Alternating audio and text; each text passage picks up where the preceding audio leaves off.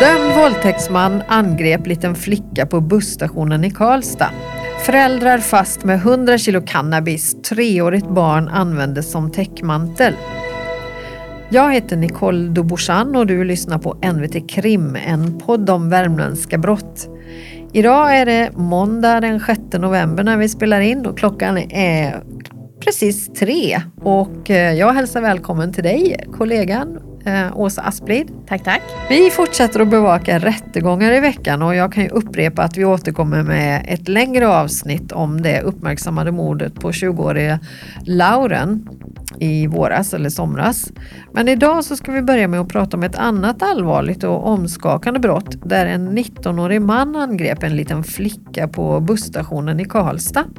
Och Åsa, du har ju rapporterat om det här. Kan du berätta vad det är som har hänt? Ja, det är en händelse som eh, skedde för bara fyra veckor sedan på busstationen här i, i Karlstad. Då.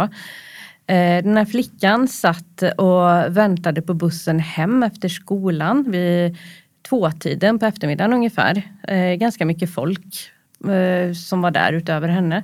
Eh, samtidigt så kommer det då en 19-årig man in på stationen. Han går förbi eh, flickan, kastar ett snabbt öga på henne och noterar att hon sitter där. Det här ser man då i och med att det fanns övervakningskameror inne på busstationen som man har kunnat följa händelseutvecklingen. Han går sedan in i själva terminalbyggnaden för att bara några sekunder senare komma tillbaka ut och går då rakt fram till den här lilla flickan och eh, angriper henne. Han, han lyfter upp henne till stående position och börjar sedan slita och dra i hennes kläder. Och han är vuxen och hon är ju ett litet barn. Eh, så eh, vad gör hon? Hon lyckas slita sig loss från mannen och eh, börjar springa därifrån. Han, han blir väl stillastående ett tag men följer sedan springande efter henne.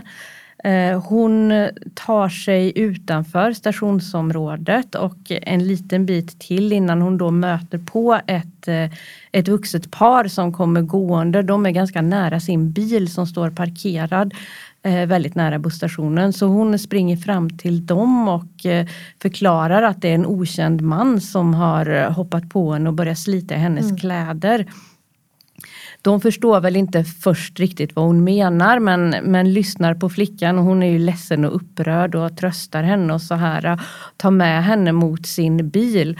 Eh, strax därefter så kom ju den här 19-årige mannen springandes efter så flickan har då satt sig i bilen men med dörren öppen. 19-åringen kommer fram och börjar slita och dra i flickan för att försöka få ut henne ur bilen. Eh, mannen i det här paret försöker mota bort honom. Han hinner komma tillbaka och göra ännu ett försök att få ut flickan ur, ur bilen innan de då eh, slår igen dörrarna så att han inte kommer åt henne.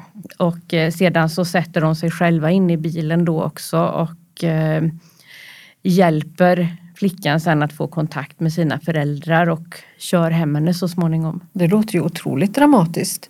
Men, men eh, var det ingen annan som reagerade? För det är mitt på dagen och en busstation med mycket folk misstänker jag. Ja, eh, och, det är ju det här som är, är, så sorgligt i sammanhanget. För som jag sa då så, så se, kan man ju se hela det här skeendet på övervakningsfilmen. Och där är det ju väldigt tydligt att det är ganska många andra människor i närheten, både som sitter strax bredvid den här flickan och som står själva eller i små grupper i närheten. Men ingen av dem gör minsta ansats för att hjälpa henne från den här mannen utan de verkar inte ens notera att det här eh, sker. Men eh, har flickan själv sagt något om det där då? Hon har ju så småningom blivit förhörd av polisen och där kan man ju se i, i förhören som jag har tagit del av att hon beskriver att det var massa vuxna på plats. Men att de bara stod och tittade ner i sina mobiltelefoner. Eh, hon beskriver även hur den personen som satt närmast henne, han var kanske en dryg meter ifrån henne, att hon tror att han kanske inte riktigt vågade gå fram till den här mannen som angrep henne. Men ja, det, det är ju det är ju ganska hemskt att, att ett barn ska behöva tänka så här, ja. att de är med om någon så hemsk sak så att, så att de som finns i närheten inte törs hjälpa dem. Vad säger åklagaren om det då? När jag pratade med åklagare Anna Rune om det här och det var ju framförallt det hon, hon eh, ville betona då att det är väldigt anmärkningsvärt att det inte var någon som hjälpte till överhuvudtaget. Men 19-åringen nu då, vad hände med honom? Ja, efter att, eh, att det här paret hade då kunnat stänga in flickan i bilen så att hon kom bort från honom så lämnade ju han platsen. Samtidigt så larmade de polisen om vad som hade skett och eh, kunde då ge ett ganska gott signalemente på hur den här gärningspersonen såg ut. Eh, och de här uppgifterna gick ju ut eh, över radion till poliser i området. Eh, och då var det en patrull som, som omedelbart körde mot busstationen och eh, sedan var det en annan patrull som var ganska nära också. Och när de då var i höjd med Åhléns ungefär inne i centrala Karlstad så, så såg de en person som de tyckte motsvarade de här uppgifterna om, på signalementet så att de, de hoppade ur och grep den här personen och det var den här 19-årige mannen då. Men den här mannen, vad, vad är det för en person? Han är eh, välkänd av, av polisen sedan tidigare. Eh, bor i en annan värmländsk eh, kommun. Haft under ganska många år problem med både droger och alkohol och eh, även varit eh, dömd för en del mindre allvarliga brott som ringa narkotikabrott och liknande vilket lett till att han under en period var intagen på ett HVB-hem eh, för att försöka få ordning på sitt liv. Eh, men det som är mest anmärkningsvärt i, i det här sammanhanget är ju att han blev så sent som i maj i år dömd av hovrätten för just våldtäkt. Ehm, och och eh, avtjänade fortfarande straff för det. Mm. Men eh, då borde han väl sitta inlåst? Ja, det, det är det ju många som tycker men han det här brottet skedde när han var 17 år gammal så därför fick han inte fängelsestraff utan han fick, dömdes till någonting som heter ungdomsövervakning i åtta månader. Mm, det var, ja, tror inte jag har hört talas om, men vad innebär det då? Mm, jag, jag var inte heller bekant med det här straffet och jag frågade även 19-åringens försvarsadvokat mm. just vad det här innebar. Och han sa också att det är så ovanligt så han var inte 100% säker på heller utan var tvungen att kolla i, i lite papper för att se vad det är. Men han beskrev det som att det är som något slags mellanting mellan ungdomsvård och ungdomsfängelse och eh, innebär att du då har eh, fotboja på dig men kan röra dig fritt i samhället och sen har eh, ett antal regler som du måste förhålla dig till och jag kan tänka mig att de reglerna kan variera lite beroende på från person till person. I 19-åringens fall så, så var de förhållningsregler han hade att han var tvungen att vistas i hemmet inomhus från klockan 18 fram till klockan 7 på morgonen tror jag under helgerna, under eh, kvällarna i anslutning till helger, fredag, lördag, söndag kväll då. Annars så kunde han eh, vara var han ville. Eh, men skulle ha regelbunden kontakt med frivården, jag tror två gånger i veckan. Han fick inte nyttja droger eller alkohol och han var tvungen att eh, ta de mediciner som läkare hade föreskrivit honom. Men eh, så när, han, när det här hände då på busstationen då, då hade han rätt att vara där med sin fotboja? Liksom. Ja, ja det kunde okay. han. Mm. Däremot så har han ju, har man nu kunnat se då i handlingar som jag tagit del av att under den, de här månaderna som, som det här straffet har pågått fram tills att han greps på nytt då, så har han ju brutit mot samtliga förhållningsregler ganska frekvent. Han har vistats utomhus under helgkvällar när han inte alls skulle vara där. Han har blivit påkommen med att vara kraftigt berusad. Han har vägrat att ta sin medicin eftersom han hävdat att han eh, blir tjock av medicinen och han har vid några tillfällen även struntat i att komma till frivårdens möten. Så bara dagen innan eh, angreppet mot den här flickan så, så fick han ju eh, sin andra varning just för att han inte skötte det här straffet. Mm. Men du sa ju att han hade haft psykiska problem också och den här dagen vad jag förstår så hade han varit i kontakt med psykvården. Ja, han har eh, under hela den här eh, strafftiden har han i perioder varit intagen på psykakuten i Karlstad enligt lagen om psykisk tvångsvård. Det har varit kortare och längre tider som, som det har pågått. Och eh, den, den senaste gången han blev inskriven där, det var dagen innan det här angreppet. Eh, sedan blev han utskriven vid lunchtid samma dag som, som det här nya brottet skedde. Då. Så han har ju mer eller mindre gått från psykakuten och sedan tagit sig till busstationen där han överfallit den här lilla flickan. Men eh, är han misstänkt för att ha begått något mer brott? Ja, eh, förutom brottet mot flickan är ju rubricerat som försök till våldtäkt av barn. Det åtalades han ju för, men där åtalades han även för olaga hot och sexuellt ofredande. Och det rör en händelse som skedde på Centralsjukhuset bara några timmar innan innan angreppet mot flickan och då är det en kvinnlig personal på sjukhuset som han också har eh, slitit i hennes kläder och även ska ha slagit till henne något lättare slag tror jag i ansiktet. Eh, sedan har han även eh, fotograferat kvinnan när hon stod inne i ett rum fullt påklädd. Så här, men publicerat den bilden på sin Snapchat tillsammans med en textrad där det står att jag har försökt våldta henne eller något liknande. Den bilden har man ju hittat i 19-åringens telefon. Det menar man då är ett sexuellt ofredande med tanke på, på det som stod där. Eh, och sen kan man ju fundera på att om den här händelsen sker eh, ja, under förmiddagen varför man sen ändå väljer att, att skriva ut honom från psykakuten. Men, men det, det finns kanske Eh, jag är lekman där, jag vet inte vad de har för regler att förhålla sig till. Men visst var det så att han också hade lagt ut annat på, på Snapchat som folk hade reagerat på? Eller? Ja, det, polisen fick ju larm en knapp timme innan angreppet mot eh, flickan på busstationen och då var det folk som hade reagerat på bilder som han också hade publicerat på sin Snapchat.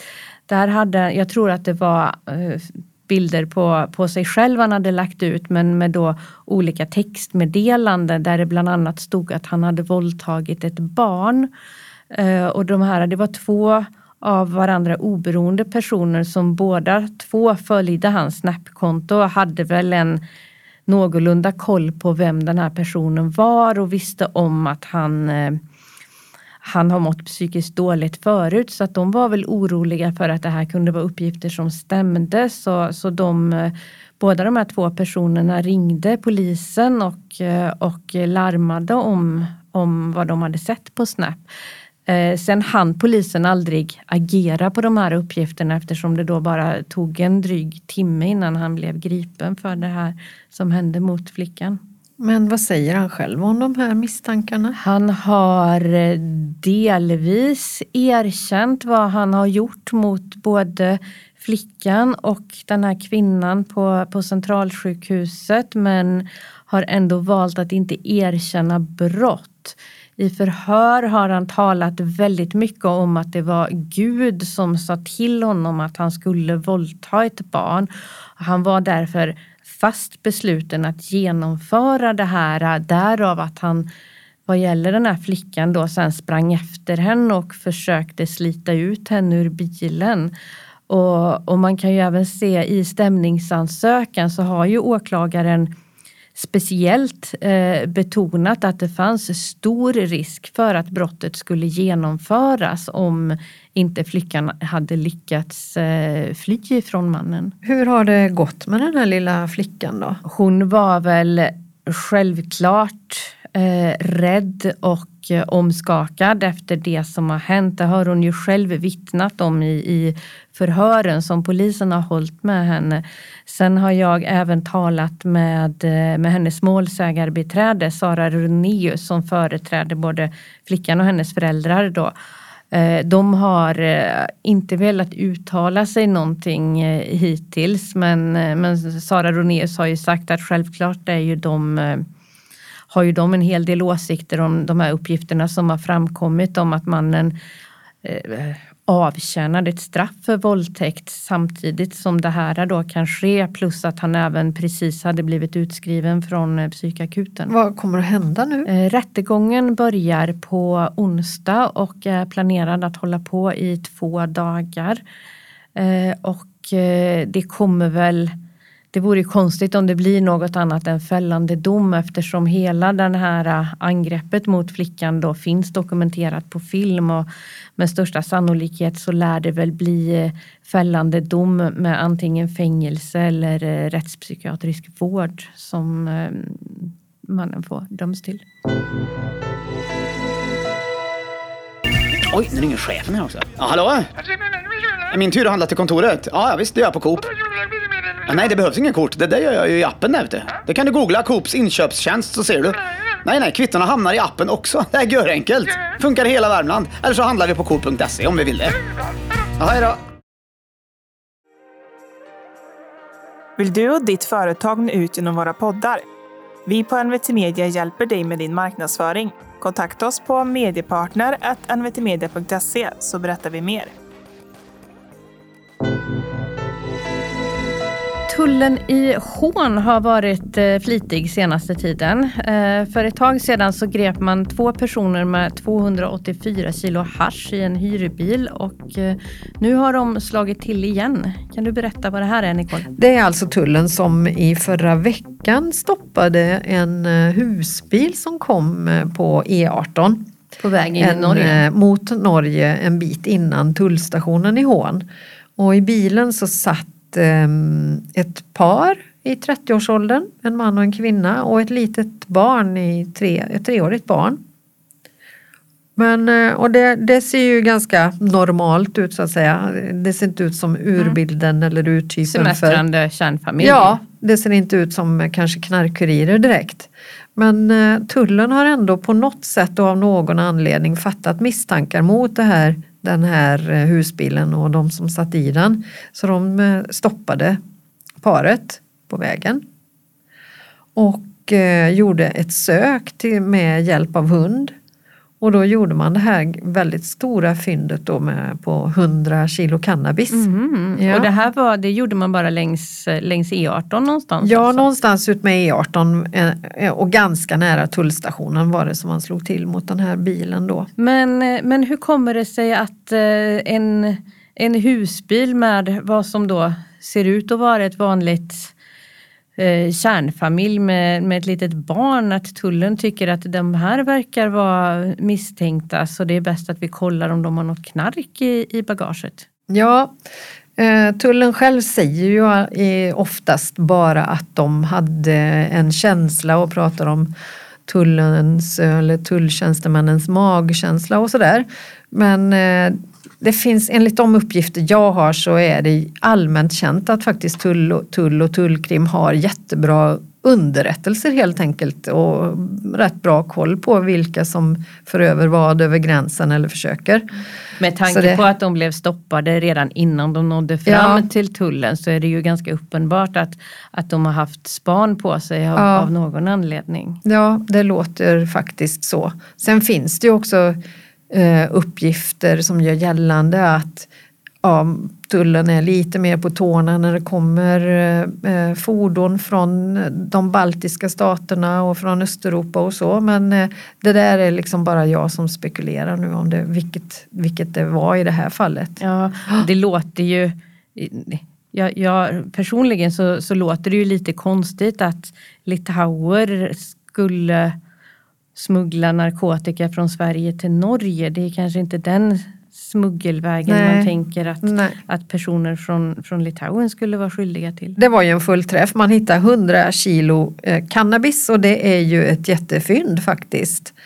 Ja, det är ett av de större beslagen man ja, har gjort här. jag tror att det ligger kanske som god tvåa. Nu, jag vågar inte riktigt svära på det men efter det här som man gjorde för bara några veckor sedan Mm. när man tog 284 kilo. Ja. Jag ska säga att man, tullen och även åklagare, ingen tror att det finns ett samband mellan de här två utan det, det verkar som att det finns två, flera, och det gör det ju, och, mm, kriminella organisationer som försöker föra in narkotika Ja. eh, till Norge över Men, gränsen. men de här 100 kilorna, var de avancerat gömda i den här husbilen eller vet vi något om det? Ja, enligt Roger Nilsson som är en av tullcheferna i Hån, han, så, så var det inte jättegömt som han sa utan det var för hundarna var det ju jättelätt att hitta förstås. Men han sa att han tror att även tullarna hade kunnat hitta det här knarket utan hjälp av hundnosar. Nej, Det var Så- väl samma vid det här 284 kilos beslaget. Ja. Det låg väl också bara nedpackat Där i låg det i, i väskor, ja, i baksätet om jag har förstått saken rätt. Ja. Nu vet jag inte riktigt hur det låg. Jag har frågade faktiskt om man på något sätt har utnyttjat det här lilla barnet som var med. Alltså använt eh, skötväskor eller vad man nu kan ha. Eh, eller barnets resväskor eller sådär. Men så var det inte utan barnet verkar ha funnits med som, som någon typ av täckmantel då.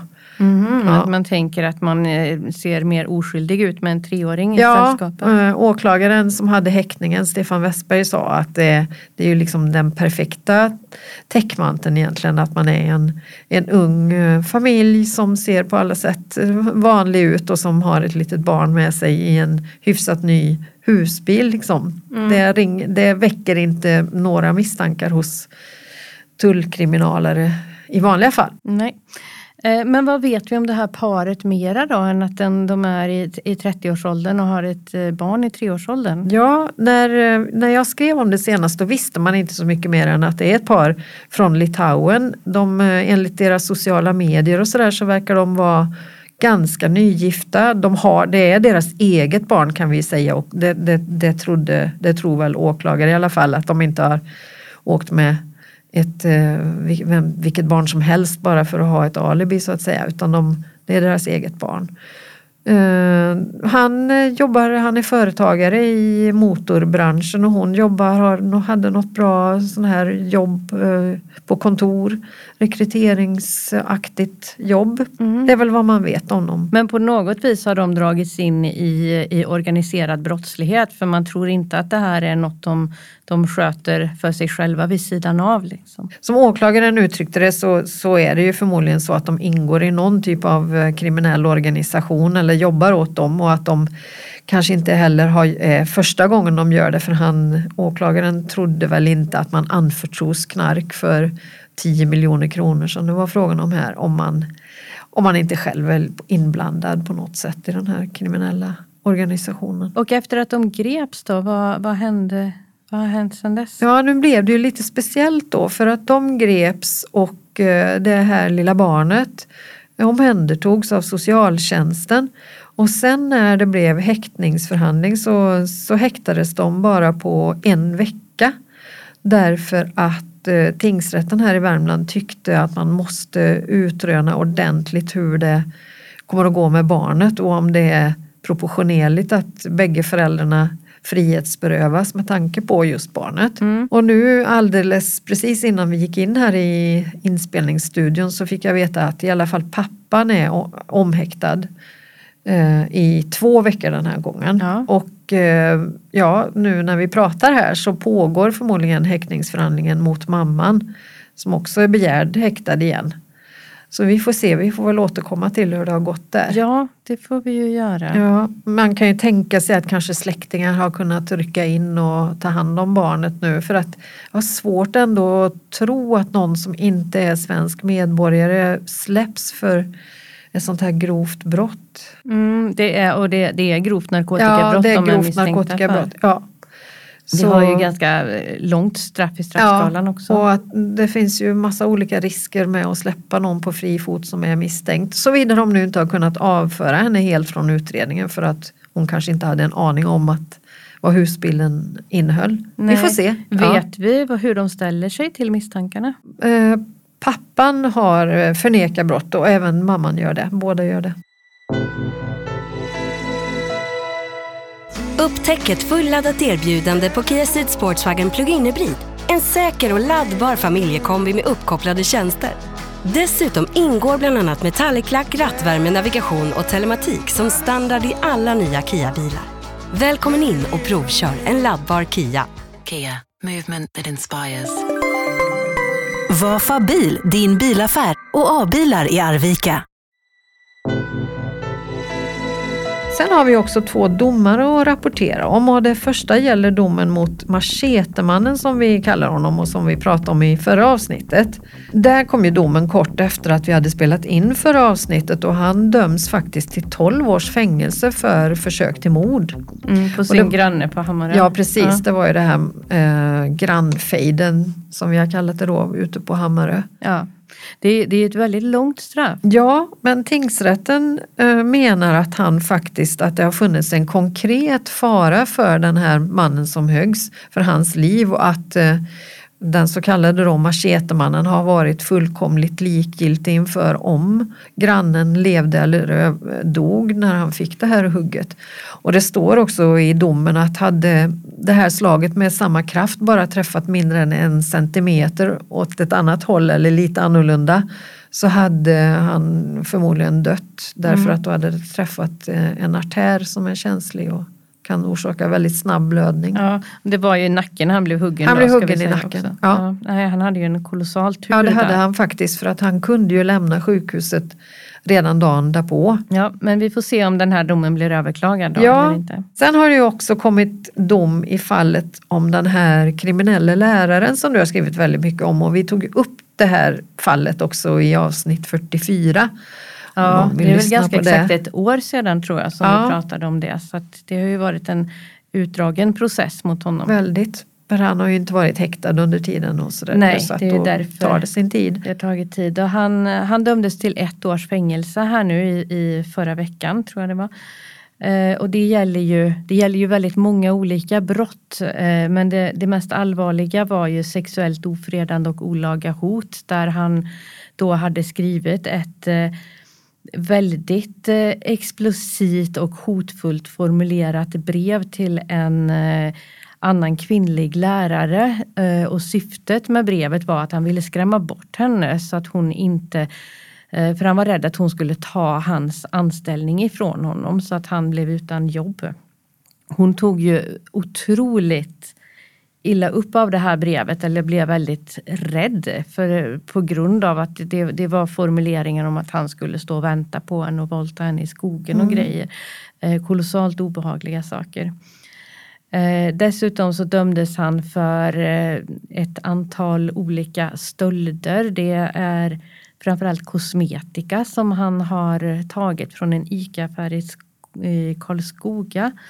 Eh, och även eh, åtta bedrägerier som gäller att han eh, har sålt Muminmuggar som inte fanns i verkligheten över Blocket och tjänat pengar på det.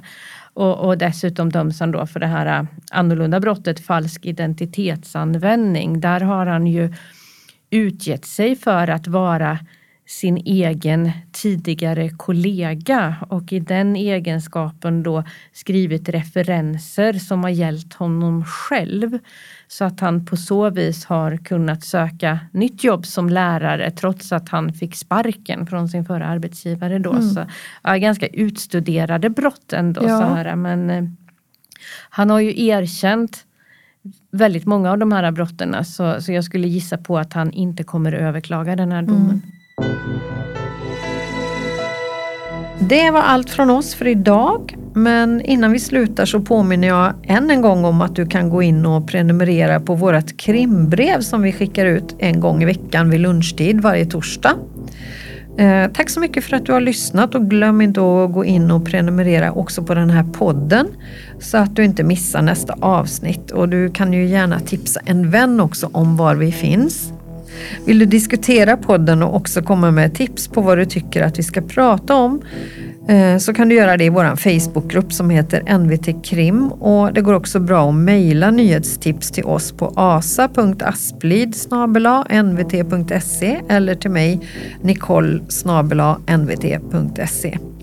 Jag heter Nicole de Boursan och är kriminalreporter på NVT precis som min kollega Åsa Asplid. Klipper podden gör Karl Edlom som också står för ljud och jinglar och ansvarig utgivare är Mikael Rotsten.